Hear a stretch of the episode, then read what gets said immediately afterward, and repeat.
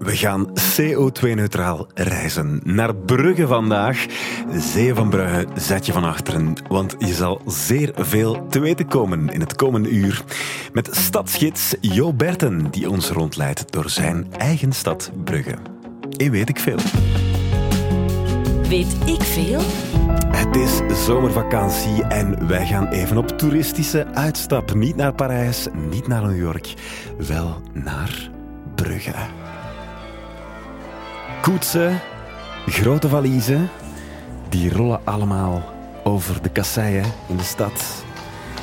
En we worden vandaag privé gegidst door Jo Berten, stadsgids. Goedemiddag. Goedemiddag.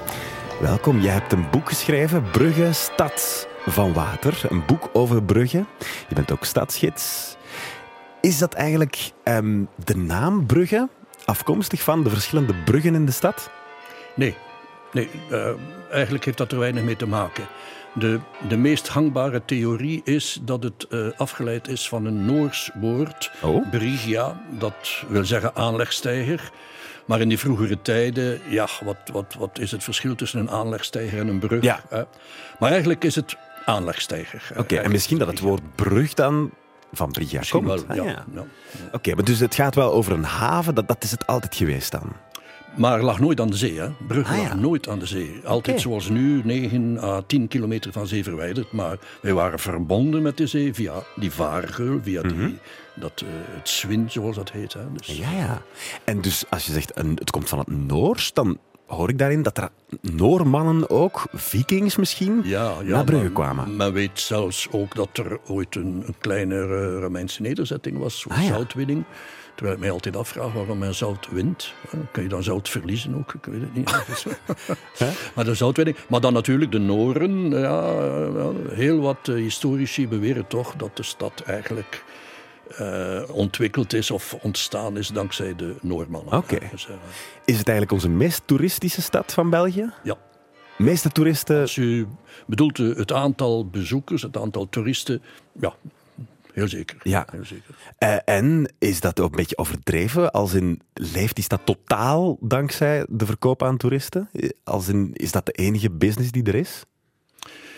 Eh, wel, wij, wij hebben wel eh, binnen de stad uiteraard zeer weinig industrie. Maar toerisme is natuurlijk een vorm van inkomsten. Eh, dat is natuurlijk een lang verhaal. We gaan het misschien nog straks daarover hebben. Ja, dat ontstaan is zeker, eigenlijk. ja.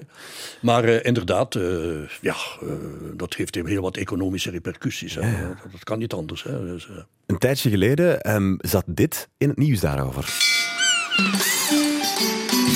Ja, grote cruiseschepen uitnodigen in onze Vlaamse havensteden zoals Brugge is geen goed idee.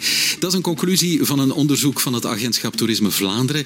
Het brengt natuurlijk wel veel geld in het laadje, maar het is maar een peulschil volgens hen van de rest van het toerisme. En het zorgt natuurlijk ook voor wat overlast. Maar wat doen die cruise-toeristen dan eigenlijk als ze naar Brugge komen? Ja, goede vraag. Ik vraag het eens aan Jo Berten, stadsgids in Brugge. Wat doen die mensen daar? Ja, ik wil onmiddellijk zeggen dat ik dat toch wel erg overdreven vind hoor. Ja? eh, er zijn er natuurlijk zeer veel. Hè. Bijvoorbeeld voor volgend jaar zijn er al 200 schepen eh, ingeschreven. Ja. Eh, ja, maar goed, eh, als men in Zeebrugge een uh, spiksplinternieuwe eh, terminal bouwt. Om, voor het onthaal van die toeristen, dan moet men achteraf niet zeggen, er zijn er te veel. Ja. Ten tweede, eh, op, laten we zeggen, 100 toeristen zijn er drie cruise toeristen. Dus dat wordt toch wel allemaal sterk overdreven. Ja. Dat die mensen niets eh, verteren, dat er dus geen economische repercussie Het wordt gezegd hè, dat zij alles ja, op het, op het cruiseschip doen, dat ze daar eten, drinken. Ja, uiteraard, als die mensen betaald hebben voor een vol pensioen, gaan ze niet ergens eh, middagmaal gaan nemen. Maar dat ze dus niets verteren is absoluut niet juist. Om eenvoudige reden dat ze altijd drie kwartier à een uur vrije tijd hebben. En dat die mensen dan terugkomen met, met wat... eh, Ja, dan gaan ze gewoon een, een beetje shoppen. Chocolade, Ja. kant, een beetje shoppen en zo. eh. dus... En eigenlijk... eh, Maar jullie, als, want jij bent zelf Bruggen, Bruggeling. ja, En tussen haakjes, dat is een van de weinige steden waar de inwoner een ling is. Hè. is het waar? Iperling en Bruggeling, al Dat zijn de zijn enige. naren. Hè? Ah ja, dat is waar, ja. Eh, wij zijn minder naar. Mag je trots op zijn. Maar dus, Bruggeling, hoe kijk je daar dan naar, naar die toeristen? Want het is een beetje geven en nemen natuurlijk. Hè? Ja, het is, vind ik heel gemakkelijk en in de aard van de mensen om te zitten janken daarover en zo. Ah, Maar eigenlijk, als men vindt dat er veel toeristen zijn, of veel cruise-toeristen, dan is dat toch maar gecondenseerd op enkele straten. Ja. Als ik voor één minuut voorbij de vismarkt, die nog op het toeristisch circuit ligt, Ja. als ik daar één minuut voorbij ga, heb ik is het een voorbij. koude straat, heb ik, Ja, ja. zie ik bij wijze van spreken geen enkele toerist. Hè. Wat is de leukste plek waar de toeristen niet komen? Is eh, wat wij noemen richting Jan van Eyckplein aan de Sint-Anna-kerk en zo. Ah, ik, ik zeg dat eigenlijk eh, een beetje droef te moede, want als we daar te veel publiciteit voor maken, dan gaat de stilte daar ook weg. Ja, we hebben het net op de radio gezegd, eh Jo Berten, dus het is een beetje te laat. Eh, misschien moeten we het zo meteen over de verschillende bijnamen hebben. Over Brugge, Bruges la Mort, Brugge die Skone. Eh, en misschien moeten we dan dat introduceren door ook een lied te draaien dat gaat over de Brugse zotten. Van Brugge, zet je van achteren. Je moet van voren in de rekening gaan staan. Zie je van Brugge, zet je van achteren. Maar zo'n zot van voren zult dat toch niet gewoon. Want ze zeggen dat we zot zien, maar dat is het woze brood. We zien verdrooid zo zot die of dat onze mutsen stoort. Maar zie van Brugge, zet je van achteren. Je moet van voren in de rekening gaan staan. Zie je van Brugge, zet je van achteren. Of heel de boel zo kunnen op de knoppen gaan. Ze zeggen toortenbakkers tegen de mijnenoors. Ze zeggen sulverdoppers, zien roeselorenoors. En schone vastgeplaten, dat zien Oostendenoors. De Blankenbergenoors zien Wijsbuven en Herenoors. En Kuurne zetten drezels, die een aterdag gepeest. Ze zeggen keunejongen tegen de die van Nijst. In Tiel zit zijn kloppers en ik weet er niet uit wet. Dat hunter in die smude vol met buitenboeren zit. Maar van Brugge, zet je van achteren. Je moet van voren in de reken niet staan. Zie je van Brugge, zet je van achteren. Met zo'n zot van voren zoet dat toch niet gewoon. Want ze zeggen dat we zot zien, maar dat is het woze brood. We zien verdooid zo zot die of dat onze mutsen stoot. Maar zie van Brugge, zet je van achteren. Je moet van voren in de rekening gaan staan. Zie je van Brugge, zet je van achteren. Of heel de boel ze kunnen op de knoppen gaan. Zee van Brugge, zet je van achteren. Jo Berten, staatsgids in Brugge. Waarom moeten die Bruggenaren van achter staan? Ja, dat is een goede vraag. We gaan dat onmiddellijk eh, correct eh, interpreteren. Ja. Eh, dat dateert uit de tijd van de eerste treinlijnen naar de kust. Ja. En als de Brusselaar of de Hentenaar of de Antwerpenaar, ik zeg maar iets, de trein nam naar de kust tot in Oostende en terugkwam, dan moest de bruggeling, die ook van de gelegenheid gebruik maakte om met die trein eh, naar de kust te rijden, als die dan terugkwam naar Brugge, van Oostende naar Brugge, dan zei de stationschef in Oostende, zie van Brugge, zet je van achter, want de laatste wagon werd afgehaakt in Brugge en de rest spoorde door. Maar, en, maar goed, ja, dat heeft niets, niets te maken met onze achterlijkheid. Dus, hè. eh, Maar het gaat ook wel over de Brugse zotten. ja,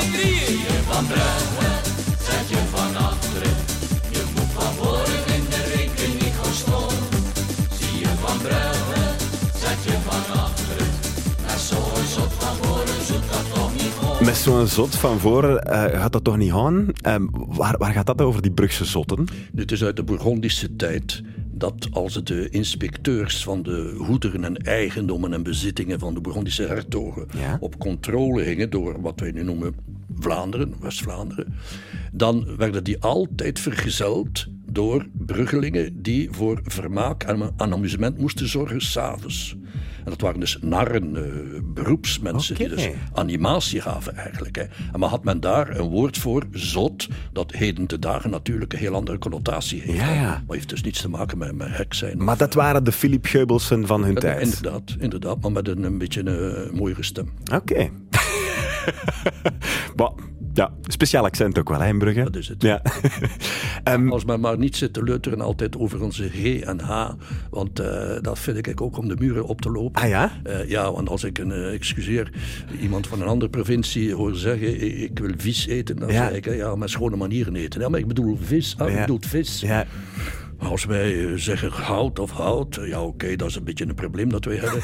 maar wij begrijpen het nonnetje dat diep in onze provincie uh, haar avondbed prevelt. Ogeer, alleen uw gulp kan mij redden, dan weten wij waarover het gaat. Ja, dan weten jullie dat wel. Bij ons wordt dat soms dubbel geïnterpreteerd.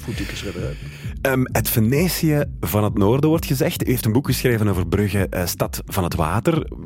Klopt dat, dat, dat daar wel echt ja, vergelijkingen kunnen getrokken worden tussen de twee steden? Wel, ik, ik wil vooraf even zeggen dat uh, ik gevraagd ben door die uitgeverij Borgerhoff en Lambrechts om een boek over Brugge te schrijven. Ik zeg, ja, dat, ik ben vereerd met uw aanvraag, maar ik ben geen historicus, -hmm. ten eerste. Ten tweede, er zijn etterlijke boeken geschreven over Brugge. Nou, nee, nee, je moet een speciale invalshoek hebben enzovoort. Wat ik met mijn twaalf andere publicaties heb gedaan, altijd een onvermoede invalshoek. En dan zeg je, ja, oké, okay, een van de pertinente kenmerken van de stad is het water. Ja. Ja. En nu kom ik op Venetië. Ja. Zeg nooit aan Italianen, bij wijze van spreken, als we Italiaans bezoekersgidsen, komt niet zo vaak voor, maar gebeurt toch dan, dan uh, maken wij niet meer de vergelijking dat het het Venetië van het noorden is, want die mensen krijgen daar eigenlijk... Is dat? Uh, die worden daar boos van? En zo, ja, want die komen van Sint-Petersburg. Daar heeft de gids gezegd dat het Venetië is van Rusland, ja. dan Stockholm, Venetië van Scandinavië, dan Amsterdam, ja. enzovoort. Ik zeg dat dus nooit meer. Ik zeg altijd ten noorden van Venetië en niet Venetië van het noorden. Hè. Dus ja. geografisch is het correct. Hè. Maar waarom is dat? Dat is natuurlijk om het aantal kanalen mm -hmm. en bruggen, maar ik heb het even opgezocht. Hè. Dus in, in Venetië zijn er ongeveer 180 kanalen en, en in 450 bruggen, terwijl wij met moeite 20 rijen, 20 kanalen hebben en 60 bruggen. Ja. Maar de vergelijking begrijp ik wel hoor. Maar... Gaan de mensen, gebruiken mensen die rijden nog altijd om zich te verplaatsen in Brugge? Nee, dus alleen toeristisch. Echt toeristisch alleen. Maar u snijdt daar wel een heel interessant onderwerp aan. Namelijk, ik vind dat de problemen van drukte en file en noem maar op, zou kunnen op die zouden kunnen opgelost worden als men de, een waterbus zou hebben. U kunt ah, alles ja. bereiken in Brugge via een waterbus. Ja. Het systeem van de Vaporetto in Venetië. Hè? Maar goed, we hebben een klein probleempje met die vijf uh, families die die toeristische bootjes uh, exploiteren. Die natuurlijk zeggen, ja, wat moeten wij dat tussen gaan laveren en zo. Hè? Maar ooit heeft een burgemeester in de jaren 70 is hij begonnen met de bruggen hoger te maken, gesubsidieerd door de Vlaamse gemeenschap, om, om een dus bus. die, die bussen, ja, die ja. waterbussen, dat te kunnen doen. Jammer genoeg wordt daar nu niet meer over gesproken, maar ik denk dat dat zou dat het, kunnen. het middel is om dat op te lossen. Wat er ook op die plek zit, op die rijen, op dat water, is eh, zwanen. En eh, dat is wel bijzonder. Controverse in de Breidelstad. Eeuwenlang waren hier enkel witte zwanen te zien, maar sinds kort zit de stad verveeld met een ongewenste zwarte gast. Een exotisch beest in Brugge is toch altijd meegenomen, hè? We hebben panda's, wij hebben een zwarte zwaan. Het is bijna tien jaar geleden, maar dat was een heel gedoe toen. Een hele zomer over een zwarte zwaan. Ik snap dat ook niet. eh. Dat was toch als, je, bijzonder. als je Frankrijk reist, zie je bij wijze van spreken om de havenklap eh, bij, in slotgrachten bij kastelen. Maar hoe komt het dat daar zoveel zwanen zitten in Brugge? Oh, oh, wel, de, de legende is dat men ooit eh, iemand eh, geëxecuteerd heeft, de raadsheer van Maximiliaan van Oostenrijk. Die heeft men dus in 1488 Maximiliaan van Oostenrijk gevangen genomen. En dan moest hij toekijken van op eh, zijn gevangenis op de markt hoe zijn raadsheer Pieter Langhals geëxecuteerd werd. Ja? En eh, toen Maximiliaan bevrijd werd, eh, heeft hij de burgerlingen verplicht in eeuwige dagen zwanen te hebben. Pieter Langhals, de zwanen met lange halzen. Dit is natuurlijk een mooie legende, waarom Ja. die niet mogen bestaan? De, ik denk als je het historisch benadert, heeft men altijd zwanen gehad. Dat zijn trouwens waakvogels eigenlijk, bij wijze van Juist, spreken. ja, ja, ja. Die maken heel veel lawaai. Hè. Streel, streel die vogels niet, nee, nee. bijvoorbeeld, want die kunnen nu pols breken in een mum van tijd.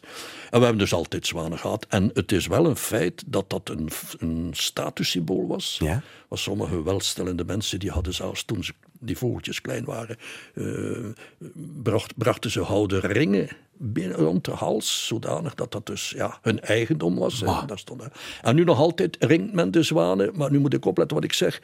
Eh, eh, Ofwel is het juist, ofwel is het omgekeerd, maar de mannetjes zwanen, de, de- die zijn links geringd en de vrouwtjes rechts. Of omgekeerd. Want als je dat nu zo ziet, dan Ja. kunt u het verschil niet maken. Nee, nee, nee. Maar dus zwaanstelen in vroegere tijden, dat kunnen wij vinden in het eh, stedelijk archief, dat was een behoorlijke, mis, behoorlijke misdrijf. Ah ja, dat, dat, dat hoorde toe tot die familie. statussymbool, hè? Statussymbool. Maar dan ja. die legendes natuurlijk. Van, Ja, oké, ja, dat is iets extra's. Niet? Ja. Ja. Ehm, het is een, natuurlijk een, een rijke stad, historisch gezien. Ehm, een handelsstad geweest. Die haven, waar is die eigenlijk ondertussen? Kan je die nog zien? Die is gewoon weg. Nee, wij, wij hadden eigenlijk bij wijze van spreken geen echte haven. Hè. Maar die, die schepen die kwamen binnen via dammen. Ja. Maar die zeeschepen konden, dammen, konden bruggen niet binnen. Dus in dammen transfaseerde men de koopwaar op kleinere schepen. ja, ja. Met masten die men parallel kon leggen met het dek. Zodanig dat ze onder de enkele sporadische stenen bruggen die er waren. Tot, tot, in, eh, tot op de markt kwamen, waar men loste en laadde. Dus het systeem wat je nu hebt, je hebt Zeebrugge, dat is een haven die veraf ligt van Brugge. Dat bestond toen ook al, maar toen was het gewoon dammen waar die plek... Nee, nee, Zeebrugge bestond toen Nee, nee, niet. als in, ik bedoel, dat was buiten de stad een extra haven. Ja, ja, maar Dam is een voorhaven eigenlijk Ja, ja. van Brugge. Hè? En tegenwoordig heb je Zeebrugge. Ja. Zien Bruggelingen dat ook als echt hun haven? Oh ja, absoluut. Ah, ja? absoluut. Ja, het is vooral het is grondgebied Brugge. Hè. is nu gefusioneerd met de haven van Antwerpen uiteraard. Ja, nu is het de Port of Antwerp Bruges. ja, ja, dat is natuurlijk omdat we hier Engels spreken. Hè. Ja. Dus, eh, eh, maar eh, het- ja, nee, elke bruggeling is, is daar vier over. Dat geeft natuurlijk tienduizendtallen eh werkgelegenheid. Dat is eh, een bloeiende haven, ook florissante haven. Ja. Maar heeft heel wat eh, aarde aan een dijk gehad, heel wat problemen opgeleverd om het die te bouwen. Hè. Ja. Je kunt wel begrijpen, er was wat eh, jaloezie van de Hentenaren, van de Antwerpenaren enzovoort. Toen men het idee is beginnen nemen dat Brugge terug een verbinding moest hebben met Ja. die zee. Wanneer was dat? Wanneer hebben ze dat Dus beslist? vanaf 1895 ongeveer, maar een beetje vroeger, maar dat is dan mislukt. Maar de haven is, als ik mij goed herinner, eh, plechtig ingewijd in 1897. Ah ja, toen al. Ja, ja. Want het is, ehm daarvoor was het jarenlang ook echt een grote ehm, havenstad, Brugge. Een plek die, ja, waar was heel veel handel met de hele wereld. Hè? Met de Hansa, hè. vooral, eh, het was geen Hansa-stad, maar het was een. Kan je nog eens zeggen, de, de Hansa? Hansa was een soort eh, economische groep van steden Ja. Mhm. die gezamenlijke belangen hadden. Eh, en de meest bekende was de Duitse Hanze. En die had dus een kantoor in Brugge. Dus Brugge was geen Hansestad, maar was een kantoorstad. Waar we doen nu, laten we zo Veel contact mee, ja. Ja, ja. Maar dat bracht mee dat we natuurlijk ja, alle mogelijke vreemdelingen hadden. En dat is eh, trouwens een van de heerlijke dingen die wij nu nog altijd hebben, vind ik, in Brugge. Eh, dat is als ik op het terras zit, eh, ergens op de markt of ik weet niet waar, dat ik zo omringd ben door verschillende talen. Ja. Ik, vind dat, ik vind dat een godsgeschenk. Maar dat eh. was dus ook al zo in Zo. pakweg de jaren Ja. 1400 of ja, zo. en tolken bestonden niet. Hè. Hoe dat ze dat deden, weet ik niet. Eh, globaal genomen zou je kunnen zeggen, alle vreemde kooplui die van, laten we nu zeggen, het oosten van Europa kwamen, die hadden een beetje Duits als tweede taal. En wat van het zuiden kwam, had Frans als tweede Ja. taal. Dus, eh, maar goed... eh, Dus die twee talen, dat- dat werd ook veel gesproken in ja, Brugge ja, toen. ja, ja, ja. Dat is, een van de redenen waarom wij in Vlaanderen dat, eh, die tweetaligheid lange tijd gehad hebben. Hè, waar iemand die wel rijk was, die vond dat hij wat Frans moest Juist. spreken en zo. Dat is omdat men vooral handelsbetrekkingen had met de Italianen. Bruggelingen, vooral met Italianen, met Toscanen. En ja, Toscane, dat was te ver voor Brugge. Brugge was te ver voor, Tosca voor, de, voor de, de, de, de Italianen. En wat deed men? Men ging elkaar ontmoeten elk halverwege in de fameuze jaarmarkten in de Champagne-streek. Ah. En daar moest men ja, Frans kennen om, om eh, gelogeerd te geraken Mhm. Juist. eh, enzovoort, om gevoed te geraken. En die dus de- rijke handelaars die kwamen terug en die vonden dat ze verder moesten een taal hanteren die de gewone massa niet kende. Dat is de verre diepe achtergrond van dat, dat bilinguïsme eigenlijk dat er bestond in, Superinteressant. in, eh, in Vlaanderen. Voel je dat nog in de stad ook? Dat, dat er zo'n soort van ehm, link is met dan bijvoorbeeld de Champagne-streek, met Toscane. Heerst dat er nog? Nee. Nee, Dat niet. Dat helemaal niet meer. Nee. Daarvoor moet je teruggaan naar de geschiedenis. Ja. Zelfs tot heerlijke dingen ontdek je dan. Hè. Als je bedenkt dat er een Zwitser in eh, 1599 ooit gepubliceerd heeft dat het meest zuivere Nederlands in Brugge wordt gesproken. Ah ja? Formidabel, hè? Wel 1591. hè. Ja, dat is wel een tijdje geleden. Nederlands ja. was toen nog eh, heel anders dan nu ook. Ja. Ehm, we gaan er zo meteen nog verder op door in uw prachtig Nederlands, Jo Berten Stadgids. Weet ik veel. Ehm, is dat fijn vertoeven in Brugse huizen, Jo Berten? In Brugse huizen? Ja. Denk ik wel, ja. Het zijn va- vaak heel oude huizen wel, hè? Ja, dat zijn zelfs zeer gezochte woningen. Als dat eh, te koop staat of zo. Ja. Moet je een beetje aanpassen natuurlijk binnenin. eh, Eventueel een beetje strippen binnenin. Maar ik kan me voorstellen. Je moet natuurlijk geen huis kopen langs het toeristische circuit. En dan zitten janken dat er veel volk is. Dat is zo, ja. Maar er zijn heel wat wijken in Brugge waar u heel rustig kan wonen. Eh, wa- wa- wat ik zou als eis stellen als ik binnen de muur zou wonen, Ja. dan moet ik, ik moet vanuit mijn living bijvoorbeeld, zou ik moeten een toren zien. Ik moet Ah, ja. de toren van Brugge zien. Oké. Ja. Welke zijn de torens? Eh, mijn, mijn toren, mijn voorkeurtoren is de Belfort. Ik, Ah, ja. eh, discussie met mijn vrouw, die onze lieve vrouw kijk verkiest. maar goed, ja. Ja, oké. Dus ook een beetje de burgerlijke en kerkelijke toren. Zo is het. Ja, het gaat misschien ook daarover. Ehm, het is een, een bijzondere plek natuurlijk, Brugge, maar een heel beschermde plek. Het is een, een, een stad die eruit ziet als eh, ja, een soort Disneyland Parijs, maar dan heel oud. Is het echt, is het echt middeleeuws? Wat middeleeuws is op vier kleine urbanistische ingrepen na, is het stratenpatroon. Het Mhm. stratenweefsel. Als u Jan Breidel en Pieter de Koning met Barabas' machine naar 2023 zou parachuteren, dan hebben ze geen plannetje nodig om Is het de weg waar? te vinden. Dat kunnen zij zo... Ja, er zijn maar vier ernstige urbanistische ingrepen. En ik denk dat dat ook de hoofdreden is waarom wij werelderfgoed UNESCO zijn. Dat is dat stratenplan. Voilà, dat heeft weinig te maken met het aantal oude huizen, vind ik. Hè. En dat is natuurlijk, we hebben te danken aan de armoede in Brugge in de tweede helft van de 19e eeuw. Als ik even mag verwijzen naar hedendaagse tijd, denk aan de straat waar u woont. Wel, twee op drie van de actieve bevolking in Brugge vanaf 1830 tot het einde van die eeuw was werkloos. Twee, Twee op op drie. drie. Was dus dat was armoede troef. En dat, dat op het moment waarop er overal fabrieken uit de grond komen in, in België? Bij ons juist niet. Bij jullie niet. Door die, die, dat, dat had te maken met die geborneerde katholieke werkgevers. Ik vind niets uit hoor. Ja? Die redeneren als volgt. Als wij werk willen geven aan de mensen, dan moeten we fabrieken bouwen. Als we fabrieken bouwen, komt er proletariaat. Als er proletariaat komt er zedenverwildering. Ah, ja, Dus ja. ze Ze dachten ze- socialisme, Voilà. fabrieken is gelijk aan socialisme. Gent daartegenover had men een bredere kijk en heeft men heel wat architecturaal patrimonium vernietigd Ja, ja. om de straat te urbaniseren, de stad te urbaniseren. Maar daar zijn de socialisten wel aan de macht gekomen ook. En dat is de paradox van onze geschiedenis. De armoede van vroeger is eigenlijk een van de basissen voor onze rijkdom. Ja, ja, ja. Dat Omdat het, u al die mensen aan. Hè? Die Omdat het miljoenen- die allemaal niet veranderd is. Omdat het ja, bijna niet gewijzigd is. Ja. maar dat gaf ook wel een bijnaam, Bruges la Mort. Ja.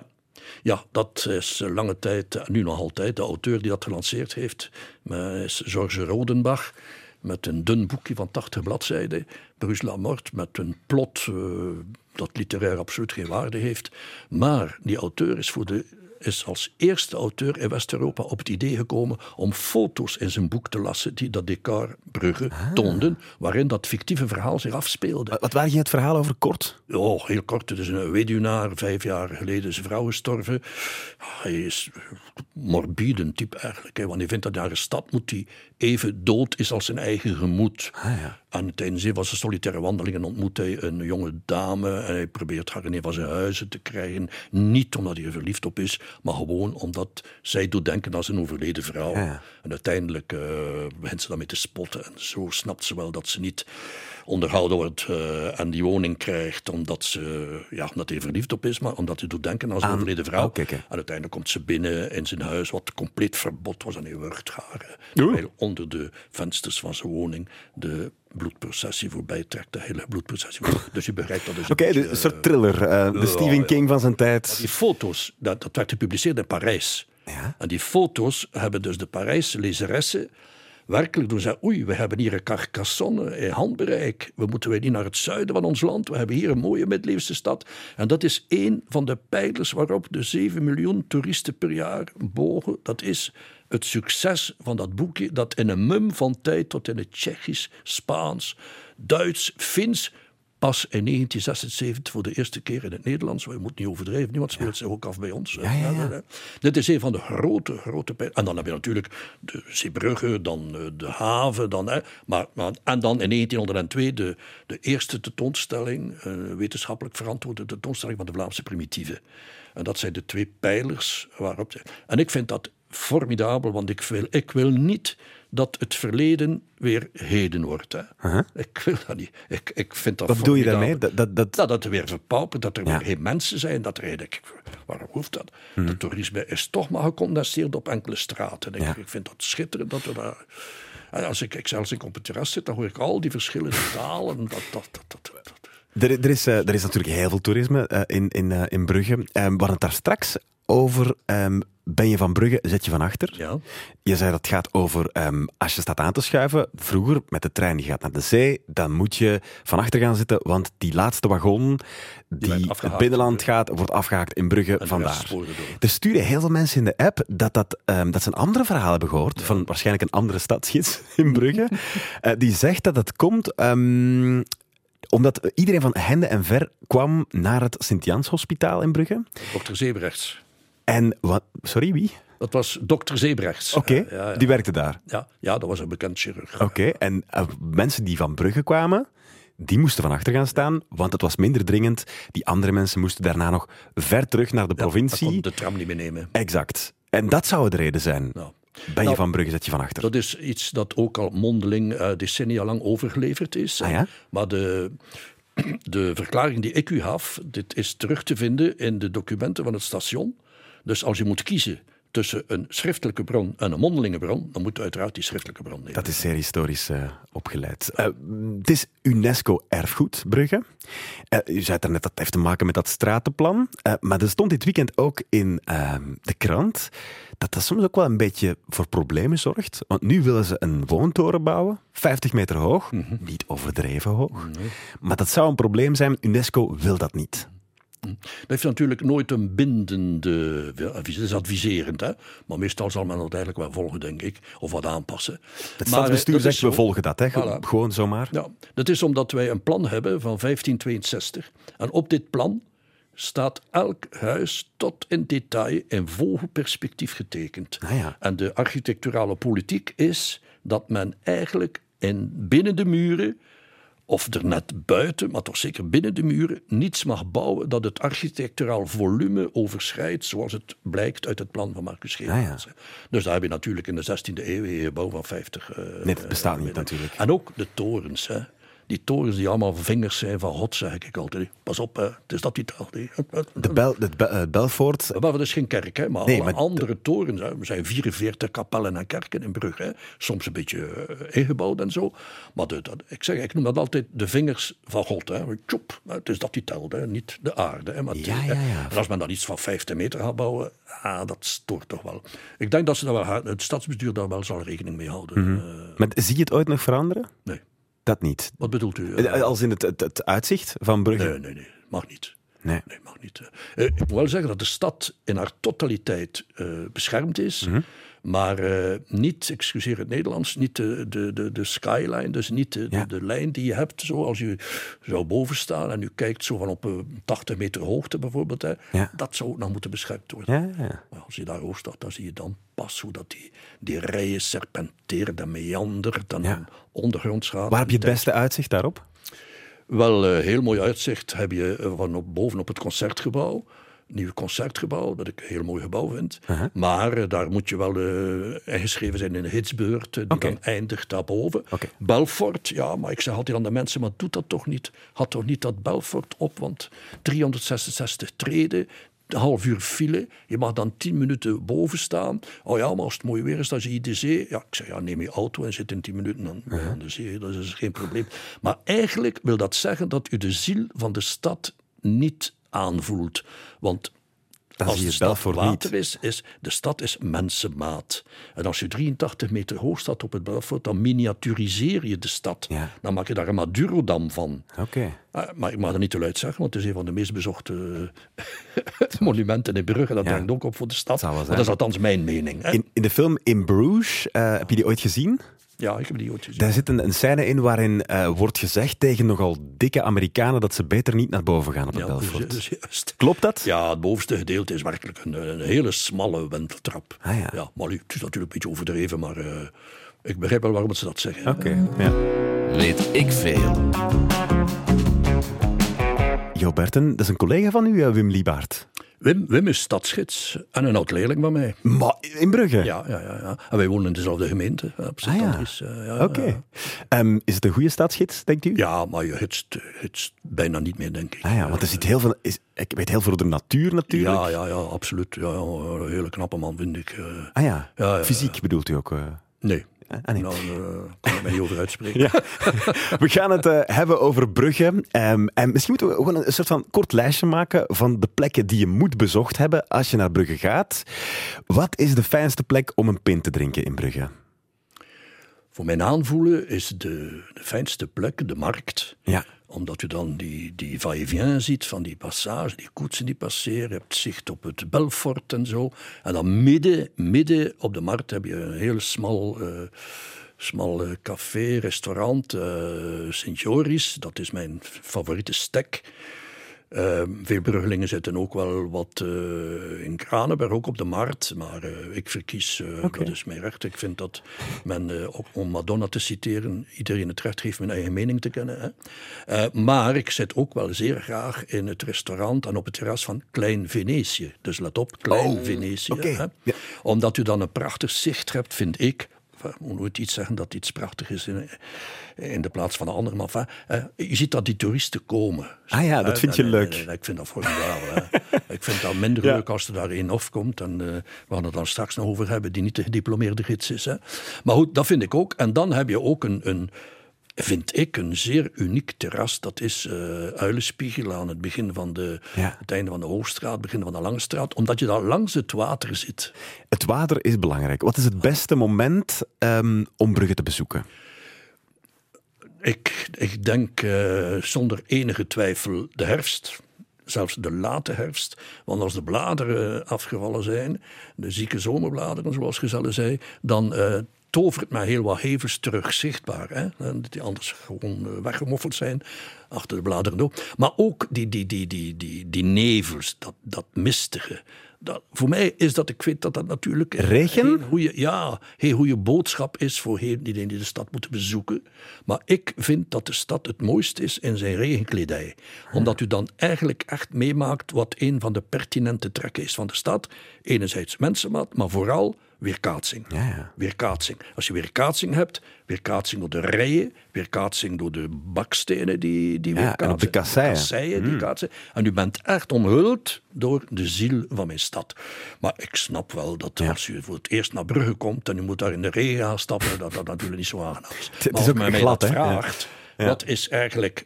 Welk moment is er het beste? Dan zeg ik oh, automatisch In de regen, in de herfst. regen en in de herfst. Ehm, wat, je, zet, je had het net over het feit dat de bladeren dan ook weg zijn, dat je de, de gevels best ziet. Wat is het mooiste huis in Brugge? Het, eh, het mooiste, het meest sprekende huis is dit op de markt, de andere hoek van Kranenburg. Dit, het huis heet het huis Boeghouten. Ja. En men kent de hele geschiedenis van dit huis. Het is trouwens het enige huis dat authentisch is, dat op de markt uitgeeft. Hè. En ik bedoel daarmee vanaf de eerste steen. Hè, Dat huis is gebouwd in 1477. En daar zie je dus duidelijk de kenmerken van de Brugse stijl, want het is een misvatting van vele mensen dat een Brugse stijl te maken heeft met de trapgevel. Die bovenop het dak zo eh, dat, gaat. dat, heeft, dat, is, dat is in Dat Brugge heb je in, Brussel Dat is- bijvoorbeeld. Voilà, dat is Ja. Vlaams. Ja, ja. Dus overal waar er Vlaanderen is, heb je die stijl. Maar de stad was zo rijk onder invloed van onze voornaamste handelspartners, namelijk de Italianen, Mhm. dat men een eigen stijl heeft geconcipieerd. En dat is die van Toscane. Namelijk een, een, een eh, horizontale lijn van de hevel. En daar zitten de twee hellingen erachter. Dus men moet niet zeggen, ja, maar, ja, maar een, een, een, een horizontale dak, een plat dak en een regenachtig klimaat, dat is problemen zoeken. Nee, nee, nee, nee, de twee hellingen zitten erachter en worden verstopt achter een scherm die men schermhevel noemt. Hè. En hoe hoger de schermhevel, hoe rijker men was. De vensters worden kleiner naarmate men naar omhoog gaat. Eerste verdieping mama en papa, tweede verdieping kinderen, derde verdieping personeel, lagere en lagere plafonds, dus minder en minder comfort. Hè. En links en rechts, helemaal boven, staan die vensters in nissen. Maar helemaal boven zijn er geen nissen meer. Zijn er geen vensters meer, maar die nissen lopen door. Omdat de belastingen werden berekend aan rato van het aantal deuren en vensters dat uitgaf op straat. En dat is de reden waarom mijn vader, een eeuw geleden toen ik jong was, eh, zei dat ik een hele dure hobby had. Namelijk mijn foto's ontwikkelen en afdrukken. Dat kon je vroeger, hè. En eh, ja, ik had geld voor nodig, maar drinkgeld dat stond niet in het woordenboek van mijn ouders. En ik gaf dat geld natuurlijk en voegde daar heel vaak aan toe een uitdrukking die daar zijn oorsprong vindt. Ik heb geen geld om het door ramen en deuren te gooien. Maar naarmate u ramen en deuren had, zegt dat ook in het Frans trouwens, wil dat zeggen dat u zogezegd weer belastingen betaalt. En belastingen met de poujadistische manier zou je kunnen zeggen dat dat wil zeggen dat u geld verspilt. Hè? Ja, ja, ja. En dat is ook een beetje mijn, mijn dada. Hè. Ik, ik kan het niet laten om op elke wandeling ergens een oorsprong van een woord aan te geven die iets over geschiedenis zegt. hè. Dus dan ga ik niet naar de taalkunde, want dan zitten ze twee minuten later op terras. Hè. Eh, maar, maar u kunt zeer veel etymologie verklaren, louter en alleen aan de hand Kan je nog van een voorbeeld geven? Dus eerst en vooral, hè, geld- Ramen en deuren? maar eh, als u bijvoorbeeld de straat overgaat, zegt u normaal niet overgaat, u zegt ik steek straat Ja, ja, over. ja. hè. Omdat in de taalkunde kopieert men altijd de taal van wie economisch dominant was of is. 1200, 1300, 1400 was dat Brugge. En we gingen op de rijen met een platbodemer scheepje en met een, een boom, zei men, dan even met een stok, staken wij ons naar de overkant. Dus ik ben bijna zeker dat dat de oorsprong is. Ik ben bijna zeker. ja, omdat u dat niet kan hard maken. Hè. Ah, Er ja. is nergens een bron. Wat men wel weet, is dat dat woord eh, eh, voor het eerst schriftelijk opgedoken is in een Brugse document. Oké. Hè, tot daar. Hè. Maar zei, nou, ja, maar ik, kan, ik heb ooit, eh, excuseer, een publicatie eh, gemaakt, Brugge etymologisch. Ah, ja. Waarbij ik alleen de geschiedenis van de stad uitleg aan de hand van oorsprong van woorden en uitdrukkingen. Kijk, bij deze is het ook vermeld. voor. De verkoop van, de, van dat Ja, boek is gaat... uitverkocht. Ah, jammer, jammer, jammer. jammer. Ehm, nog even, eh, kantwinkel of chocoladewinkel? Of ik moet kiezen. Ja. Ik, hou, ik heb nooit van kant gehouden. Eh, echt hoor. Als ik kijk naar iemand die aan het... Want dat is in Brugge toch echt, dat is nog legendarisch. Ja, maar ik had ooit een keer eh, iemand uit Caen in mijn groep eh, die ik moest gidsen. Dat was een truckchauffeur. En die zei dat hij twee keer per maand de hele lading kant komt af, eh, Ah, ja. deponeren in Brugge, komende van Taiwan. Pas op, er is een kantschool bij ons. Hè. Wacht, maar de, wacht, dus de kant die mensen die uit Taiwan of uit China, Machina. die komen op bezoek bij ons, die kopen dan in een Brugs kantwinkeltje kant en dat komt dan van Taiwan of heel China. wat kant dat voor een appel en ei verkocht wordt, is marginaal. Hè? Ah, ja. Maar er is kant dat met de hand gemaakt is. Hè? Uiteraard, we hebben nog een kantschool waar men nog mensen opleidt. Hè? Ja. En dat is behoorlijk duur en terecht, want dat is waar. Maar ik kan daar, excuseer, ik kan daar niet lang op kijken. Dat maakt mij zenuwachtig. Dat dat heen en weer gooien van die klossen.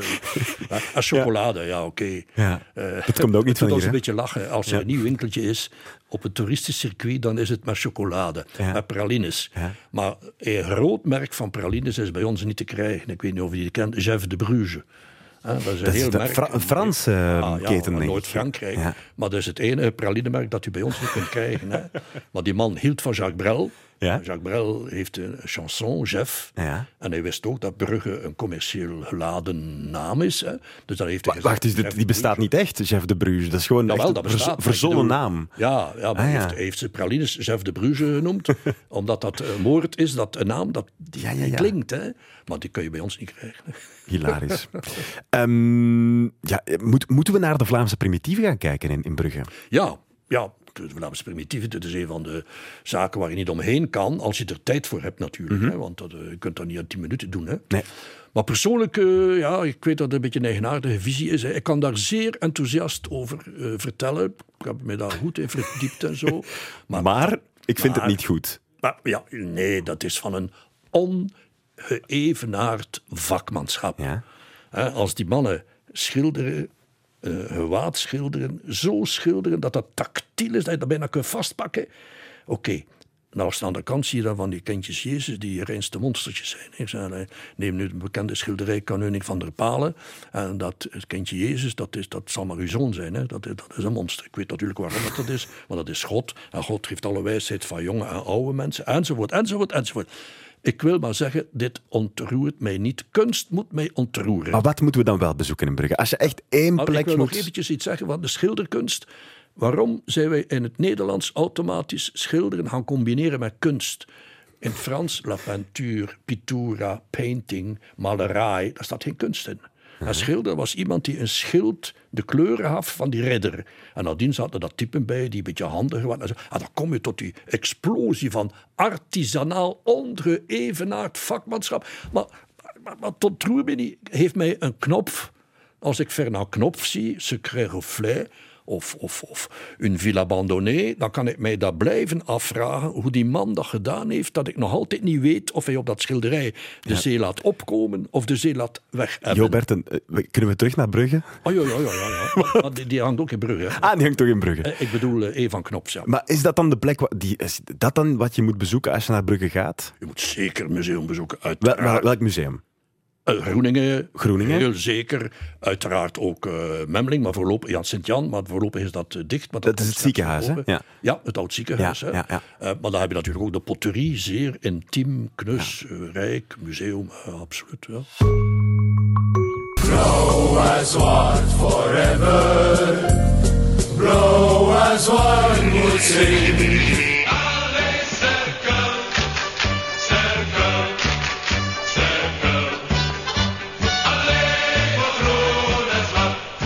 Wat is de beste? Cerkelbrug. Zeg, wat is het verschil tussen de twee?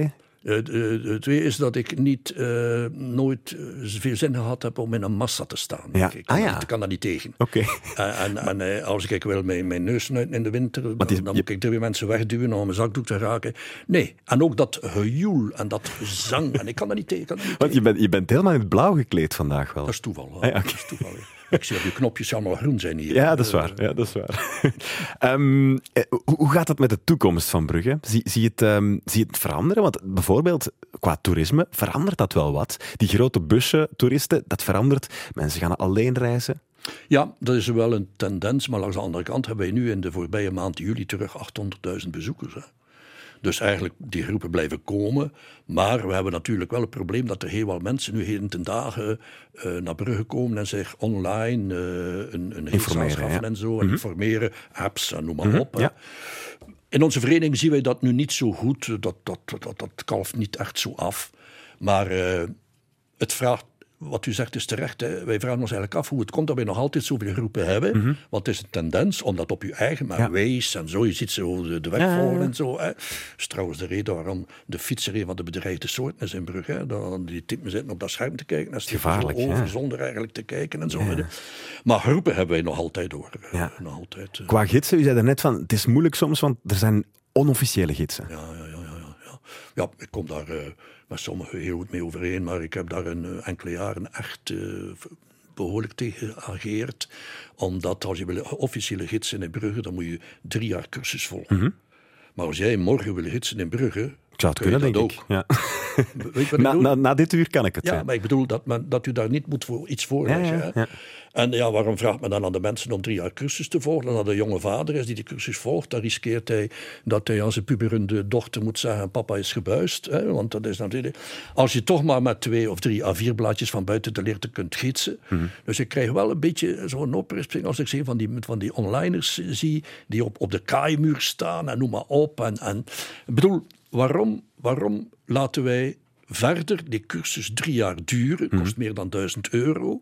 Als iedereen dat kan doen. Ja. Eh, ik snap Ja, het niet goed. Maar het schijnt dat dat moet gewijzigd worden via het Europees Parlement, omdat het ons beroep niet is. Hè. We hebben, geen- we hebben geen statuut. Het is een lang verhaal hoor. Eh, Dus, maar ik, ik hoor u zeggen, neem een goede gids, eh, eentje die gestudeerd heeft. absoluut. Ehm, en dat doen we door, hoe kunnen we jou vinden? Oh, gewoon eh, de, de website van de Hitsebond. Hè. Uh, hits. De website van de. Koninklijke Hitsebond. En dan, eh, ja, Er zegt nog iemand, is dat niet een beetje het bokrijk van West-Vlaanderen? nee, Brugge? nee, nee. Eh, Leeft het ik- nog? Ja maar, ja, maar als je natuurlijk kijkt naar eh, wat men lange tijd gedaan heeft, namelijk er werd iets gesloopt, Mhm, Ja? werd iets gesloopt en men bouwde en dat moest gebouwd zijn op de stijl van vroeger. Ja, ja. Ja, maar, ja, maar, ja, maar dat is confituur op wijze. Dat snijdt mij alle appetijt af. Hè. Nee, nee, nee, nee, nee. Als u tegen hedendaagse architectuur bent in naam van de geschiedenis van de stad, dan belet u dat er nieuwe geschiedenis ontstaat. Dat is een paradox. Hè. Dankjewel, Jo Berten. Het was super interessant. Een heel uur lang over Brugge. Ik heb, ehm, je zou kunnen denken dat je geen zin hebt om het nog te bezoeken, nu we het allemaal weten. Maar ik heb eigenlijk heel veel zin om een pint te gaan drinken op de markt daar in Brugge. Prima. Fijne dag nog. Ja, maar graag. hè. Dank u. Weet ik veel? Brugge, de stad met minder bruggen dan Venetië. Dat heb ik ook onthouden uit deze Weet ik Veel. Nog veel meer podcasts vind je natuurlijk terug via VRT Max.